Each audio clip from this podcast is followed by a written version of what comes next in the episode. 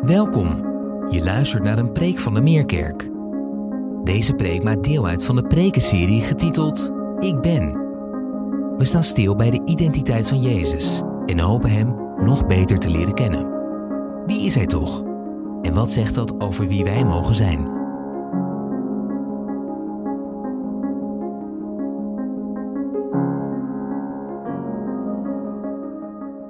Goedemorgen. Op u, mijn heiland, blijf ik hopen. Verlos mij van mijn bange pijn. Met die hartekreet belanden we vanmorgen midden in ons Bijbelgedeelte. Openbaring 1. Want precies dit kenmerkte het dagelijks leven van de eerste christenen in de eerste eeuw aan wie Johannes 2000 jaar geleden schreef. Bange pijn. En maar één hoop. Jezus Christus, hun heiland. Van waar die bange pijn? Het was de pijn van de vredevervolging die tegen de gemeente van Jezus Christus uitgebroken was.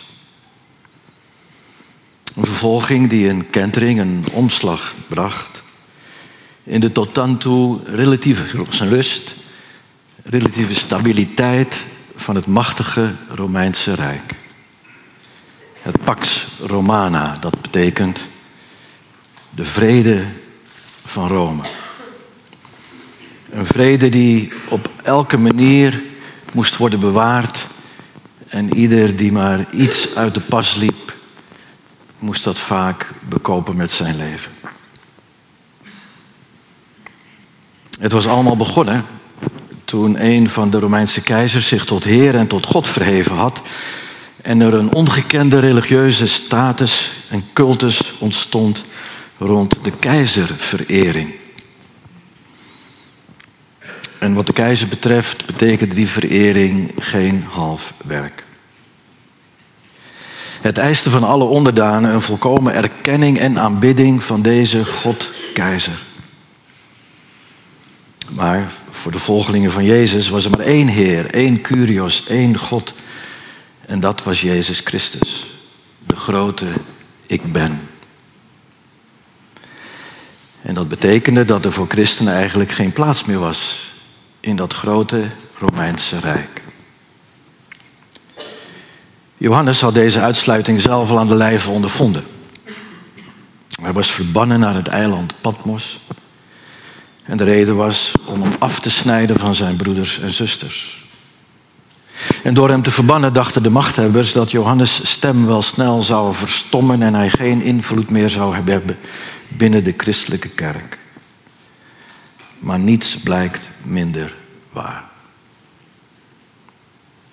Johannes krijgt van Gods wegen een bijzonder visioen, ja meerdere visioenen, die hem een blik geven in de hemel om daar te zien wat de echte realiteit is als het gaat om wat er speelt in dit leven.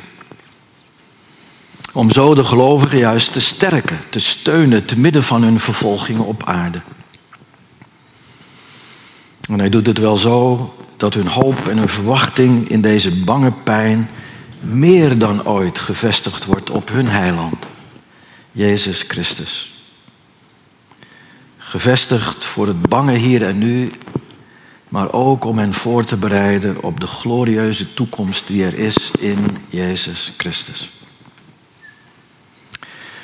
En een eerste aanmoediging voor die hoop en die verwachting lezen we in ons Bijbelgedeelte vanmorgen. Het begint eigenlijk al in vers 5 en 6.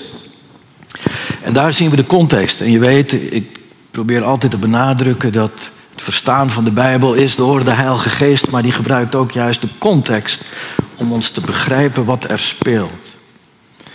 En de context is die vervolging door die vrede keizer. Maar dan begint Johannes direct al in de eerste verse door te zeggen: niet de keizer, maar Jezus die de dood overwon. Hij is heerser over alle vorsten hier op aarde. Inclusief dus de keizer. Niet de keizer komt alle eer en glorie en macht toe tot in eeuwigheid. Nee, Jezus komt die eer toe, die macht, die glorie tot in eeuwigheid. En dan barst er een amen los. Amen, dat betekent zo is het en niet anders. En wat hadden zij dat amen nodig? Nodig in hun tijd en wat hebben wij het nodig in onze tijd? We zeggen wel eens, we moeten ons even in, de, in het vel in de arm knijpen om even weer tot de realiteit te komen. Het boek Openbaring toont ons eigenlijk de ware realiteit. En alles wat we meemaken op aarde aan machten en krachten, die hebben niet het laatste woord. Het laatste woord is aan Hem, waarvan we vandaag gaan lezen wie Hij is, de Alpha en de Omega. En zo klinkt in deze woorden van Johannes de aanmoediging. En daarom lieten we het nog een keer zingen, dank jullie wel.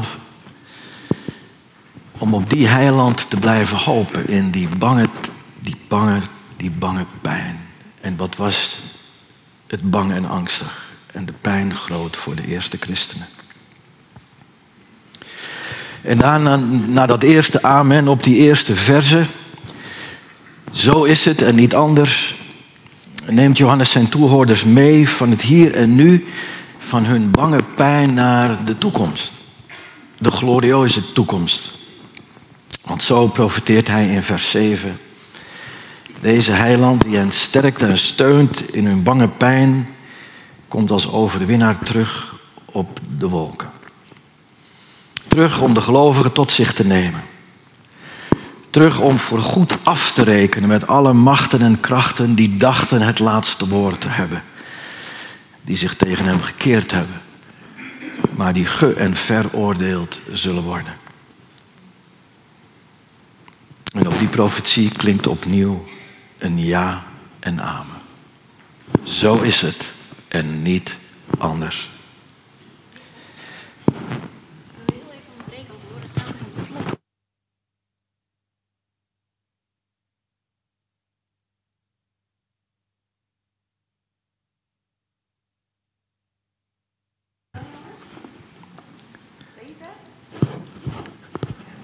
Nou, klein beetje. Eh, ja, doe dat maar, ja, graag.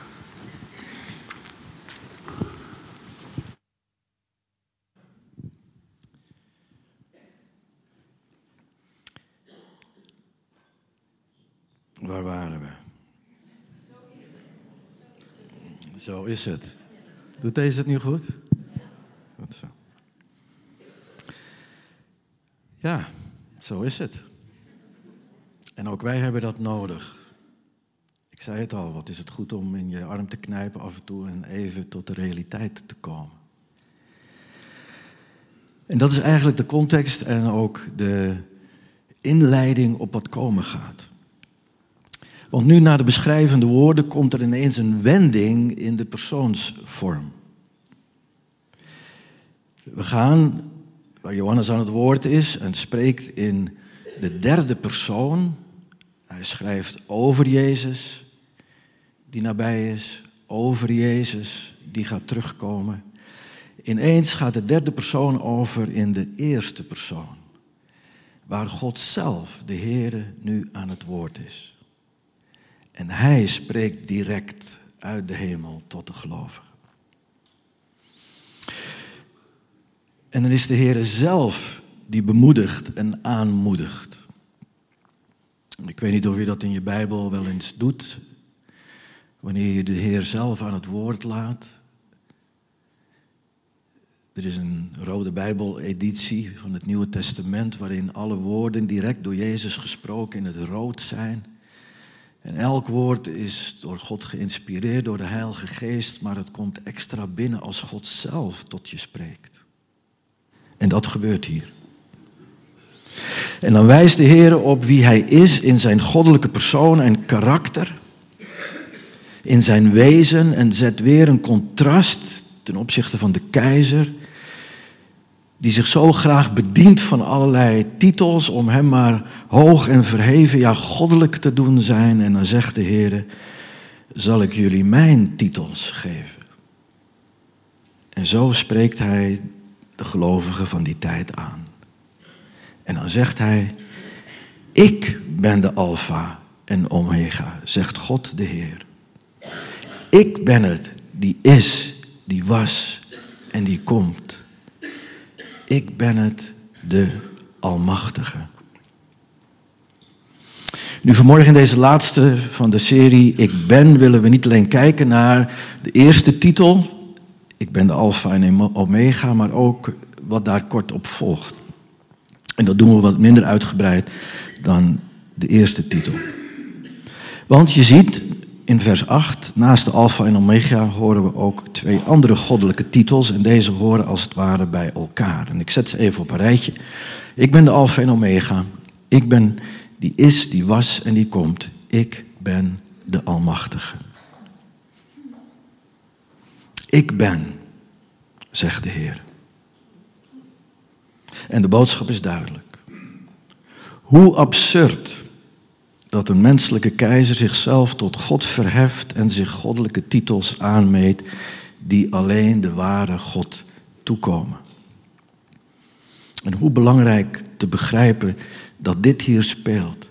En dat is eigenlijk de boodschap geweest van de hele Bijbel. Het was elke keer weer dat de Israëlieten andere goden kozen om voor te knielen.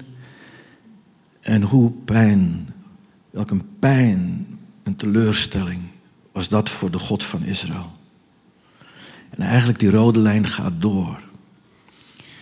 En dan leven wij in een tijd waar we geen afgoden hebben met altaren, maar dat wil niet zeggen dat ze er niet voor ons zijn. Dus de boodschap van vandaag was niet alleen voor toen met een fysieke keizer die zich goddelijke eigenschappen en titels gaf, maar het geldt ook voor onze tijd. Waar geven wij goddelijke macht en kracht en misschien wel glorie en aanbidding toe wat niet God is?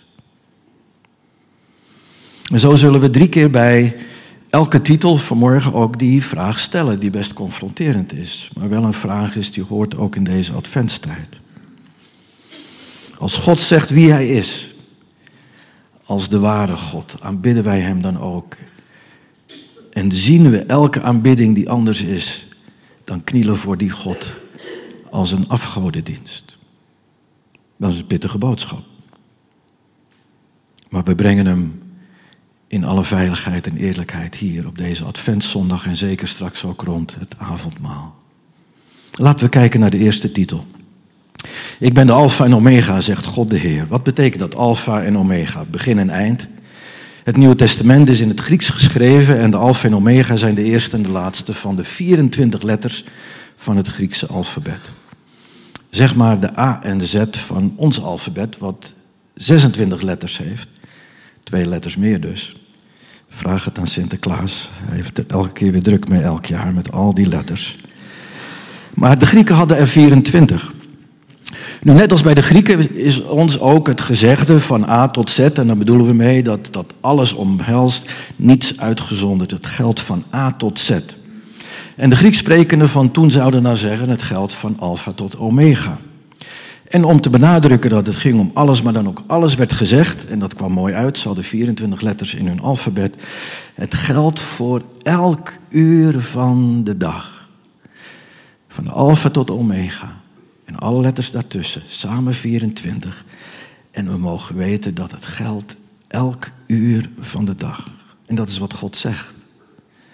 Tegen hen die vervolgd worden. Als het ene uur misschien even lijkt, oh, de angst zakt, zakt wat, maar het volgende uur kan die weer terug zijn. Want wat was het ongewis en onzeker en wat maakt ze, ze angstige tijden mee? En dan zegt de Heer, je kunt op mij vertrouwen. Stel je hoop en je verwachting volkomen op mij en je zult niet beschaamd uitkomen. Is dat niet indrukwekkend mooi en ook troostvol? Als we denken aan begin en eind, dan denken we vaak aan de geschiedenis van eeuwen en eeuwen, ja, de eeuwigheid her. En tot in eeuwigheid, ja, daar is God. En meer dan dat, Hij is de eeuwige. Hij is de Alpha en Omega. Maar ook in de tijd gerekend, die we kunnen overzien van elk etmaal, van elk uur van ons bestaan. Wat een bemoediging, wat een aanmoediging in de bange tijd. Op U, mijn heiland, blijf ik hopen. Nu, deze titel Alpha en Omega zal ook een herinnering brengen aan Psalm 121, waar de Heer de bewaker is van Israël. En dan staat er, die sluimert nog slaapt. Hij is er overdag en hij is er s'nachts. Elk uur, 24 uur van de dag. En voor hen bracht elk uur en elke dag en zeker ook de nacht grote onzekerheid voor deze eerste gelovigen. Die niet wisten hoe het volgende uur zou zijn, zeker als het duister inviel.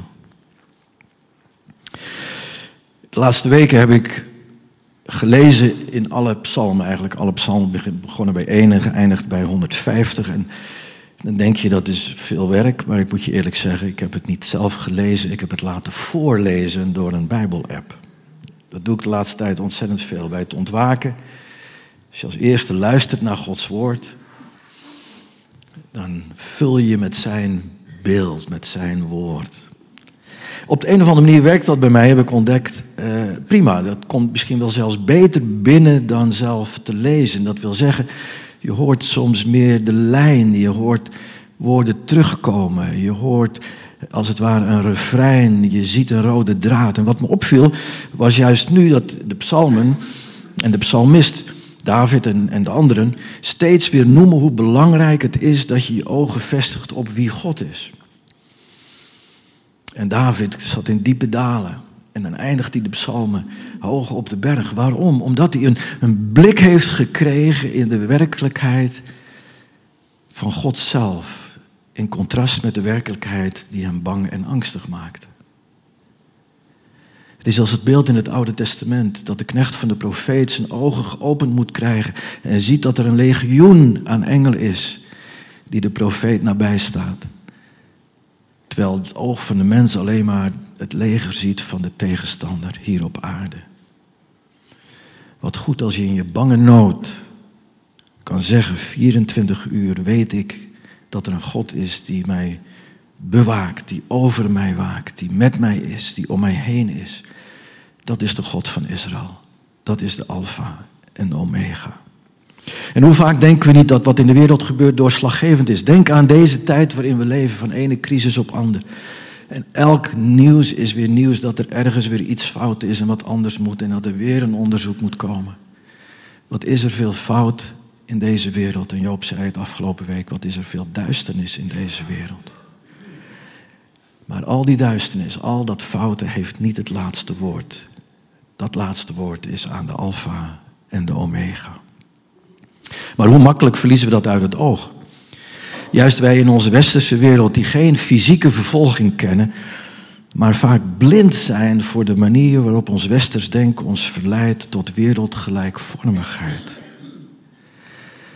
Henk Binnendijk noemt dat de grote afleiding, maar je zou het vanmorgen ook kunnen noemen de hele, subse, de hele subtiele, de hele, hele bijna niet zichtbare vervolging.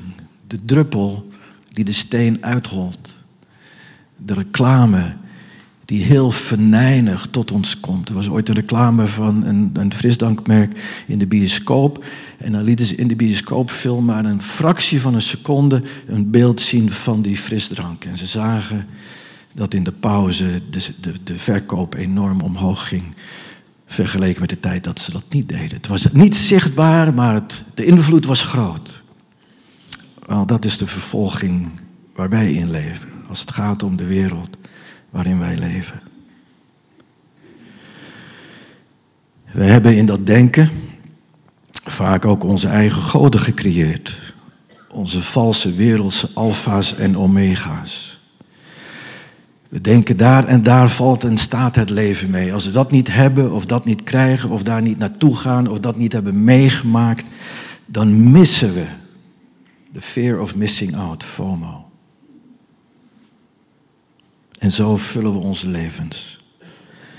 En door het te vullen knielen we voor dat alles wat ons aangeboden wordt.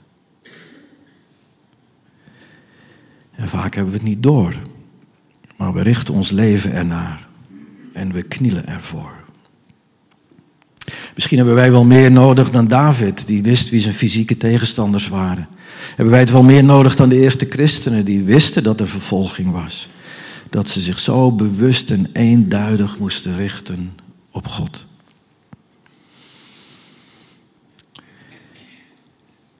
En een van de mooiste plekken in de Bijbel om het, je blik te richten op God is het boek Openbaring. Dat God laat zien wie Hij werkelijk is.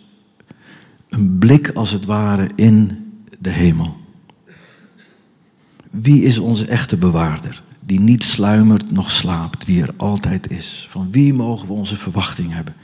Van A tot Z. Wat hebben we dat nodig? Juist ook wij, anno 2022.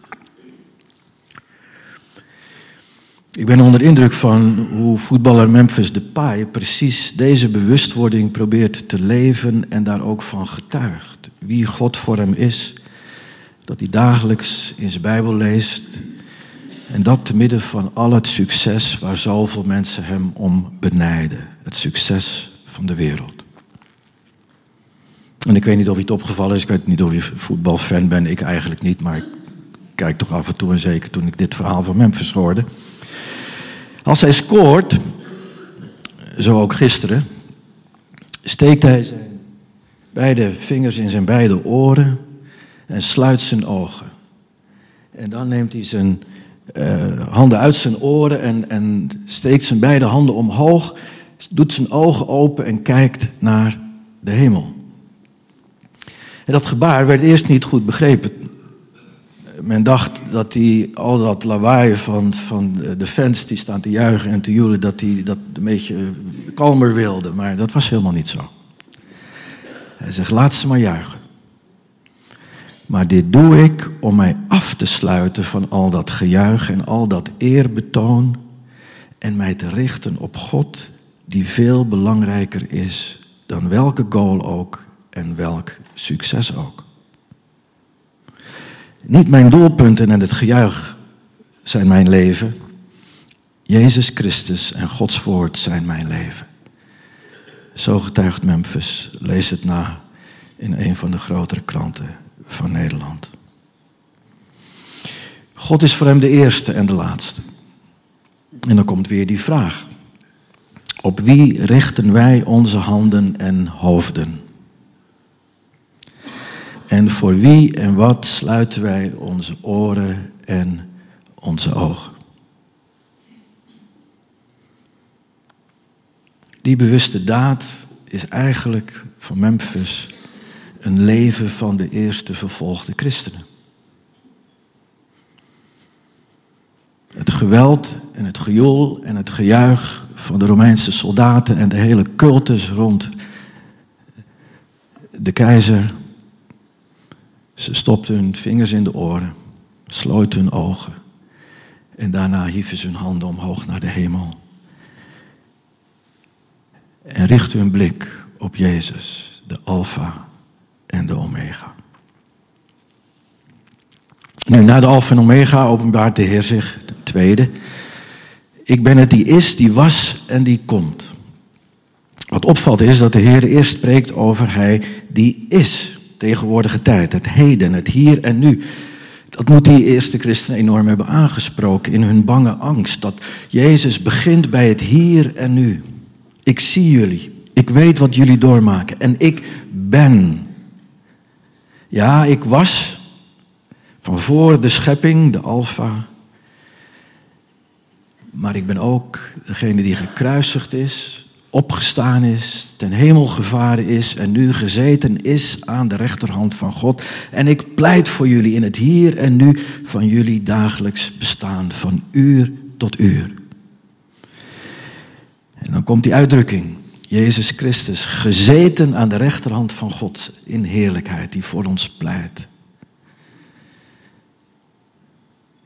En dan weten we, als je je Bijbel een beetje kent, dat juist waar het zwaar wordt, juist wanneer er vervolging dreigt, juist in bange tijd, dan blijft Jezus niet zitten aan de rechterhand van God, maar dan staat Hij op en pleit Hij voor ons. In Handelingen 7 lezen we het verhaal over Stefanus, die al tierend op het moment komt dat hij buiten de stad gesleurd gaat worden om daar gestenigd te worden.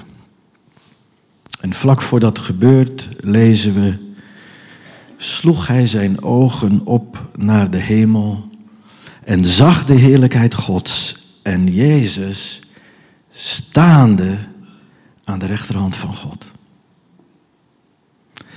Jezus was voor Stefanus de ik ben die is. En wat in Handelingen 7 gebeurt met Stefanus en die blik in de hemel, gebeurt opnieuw met Johannes. En over zijn schouder heen zou je kunnen zeggen, met de eerste christenen. Ook zij mogen meekijken in de openbaring van Jezus, wie hij is in zijn volle glorie. Een van de boeken die mij dierbaar is, eh, het boek over het boek Openbaring, heeft de titel De Open Hemelpoort. Het is al een oud boek uit, uh, ik geloof, 18 zoveel. En die titel zegt precies wat het boek Openbaring voor ons wil zijn. Het boek Openbaring, het laatste Bijbelboek, is de open hemelpoort. We krijgen een blik van de werkelijkheid in de hemel in schril contrast met de werkelijkheid die wij ervaren en proeven van dag tot dag hier op aarde. En wat is er daarom goed om de Bijbel te lezen? Want er zijn nog zoveel blikken, nog zoveel dingen te ontdekken in Gods woord over wie Hij is en wat Hij aan ons geopenbaard heeft. En één daarvan is dat Jezus is. En Hij zit maar gaat staan voor jou op het moment dat Hij voor jou wil opkomen in je bange, bange pijn.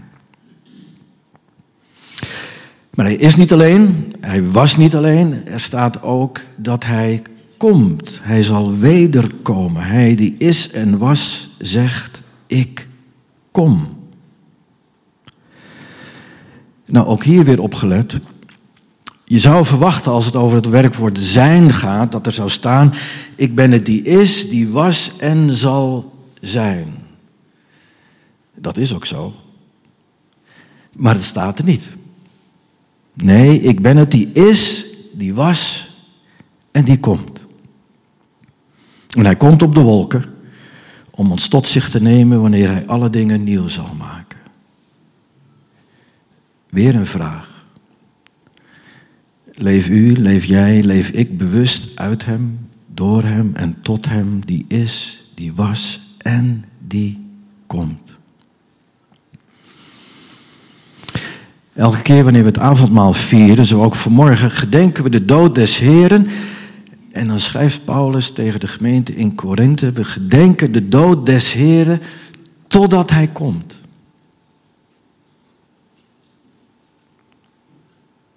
In dat ene woord schuilt zoveel aan betekenis. Zij die vervolgd werden, zagen rijkhalsend uit naar de komst van onze Heer Jezus Christus, hun heiland en Heer. En de vraag is, hoe is het met u, met jou, met mij? Zien wij uit, überhaupt? En als we uitzien, zien we rijkhalsend uit. Of zijn we toch wel verknocht geraakt aan onze westerse, vaak wereldse levensstijl. Dat is niet verkeerd, alle zegen die we hebben. Maar is dat ons alles? En als het over onze gevoelens gaat, en kerst is de tijd van thuis en advent en de kerstbomen worden opgetuigd en we hebben het knus en goed met elkaar. Maar de eerste komst van Jezus Christus is niet het einde. Kerst is niet het einde. Zijn wederkomst. Wanneer Hij komt om ons tot zich te nemen en alle dingen nieuw maakt. En het nieuwe Jeruzalem zal nederdalen van de hemel. We lezen het in het eind van het boek Openbaring. En daarom die vraag, voelen we ons soms niet een beetje te veel thuis in deze wereld? Is de Bijbelse notie dat we vreemdelingen zijn, pelgrims op doortocht is die notie ons wellicht toch niet wat vreemd geworden.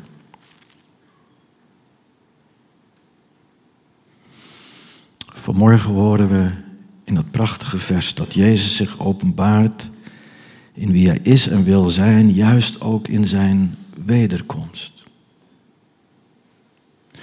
Hoe hard wordt er niet gewerkt aan alle crises die zich over elkaar heen buitelen? Ik hoorde eens iemand zeggen over de regeringen van deze wereld. Het zijn geen regeringen, maar het zijn reageringen. Ze reageren van de ene crisis op de andere. En is er iemand die opstaat die zegt: Dit is het. Daar ligt de ware oplossing. Dat is waar we uiteindelijk ten diepste naar verlangen en wat ons zal geven wat ons hart zo verlangt. Dat is Jezus.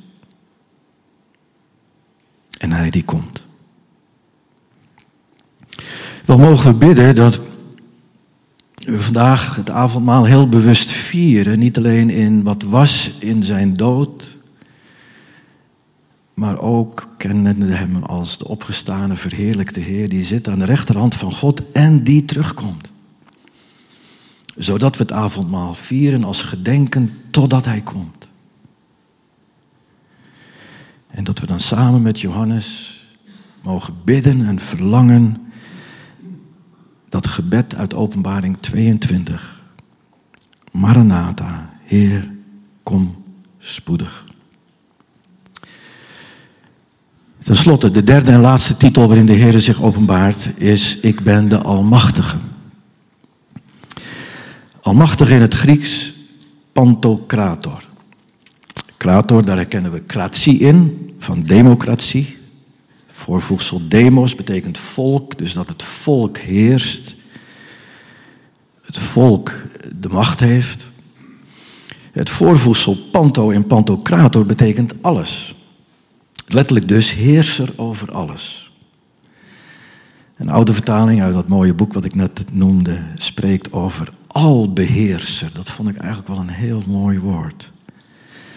Waarbij alles onder controle proberen te krijgen, alles proberen te beheersen, niet doorhebben waar we vaak in ons doen en laten beheerst worden door machten en krachten van buiten ons, die we zelf vaak ook toelaten, is hier de albeheerser.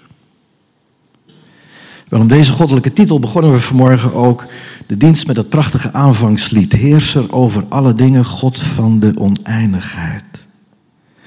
Wat God daarmee Johannes en zijn leders openbaart is dit. Je mag dan op elke hoek van de straat beelden en posters zien van de keizer die zich noemt de Almachtige. Maar geen enkel mens kan die almacht waarmaken. Ook niet de keizer met zijn Pax Romana, zijn vredesrijk. Onder zijn macht de Romeinse keizer.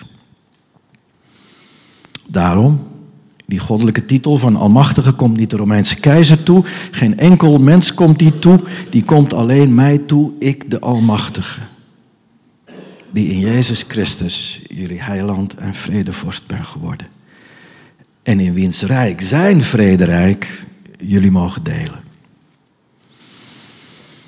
En zo worden ook in deze laatste titel van vers 8 bepaald bij de vraag of u, jij en ik leven uit die Heere die zich tenslotte openbaart als de Almachtige, de Albeheerser, de Heerser over alles. Heerst die ook in mijn leven over alles? Is dat ook waar voor mij? Als ik hem noem mijn heiland, mijn Heer, daar zit het woord Heer in, daar zit het woord Heerser in is Hij dan ook de albeheerser die de Heer is over mijn leven? Of kennen we toch ook macht en glorie toe aan aardse grootheden, inclusief onszelf, die wij bewust of onbewust zijn gaan vereren en dienen en nu misschien wel over ons heersen, meer dan we willen erkennen. Oh, mag Openbaring 1, vers 8 waarlijk voor ons een openbaring zijn. Op deze Adventszondag, waarin ook God het avondmaal wil gebruiken om ons de ogen te openen voor wie Hij is, was de komende, de almachtige, de alfa en de omega. Zullen we samen bidden.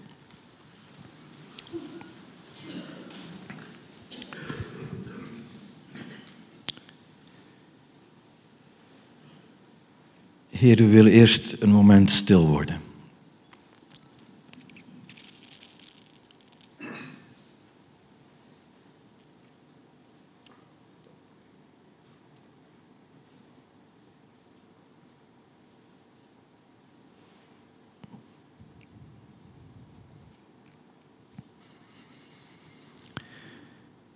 Hoe goed om stil te worden.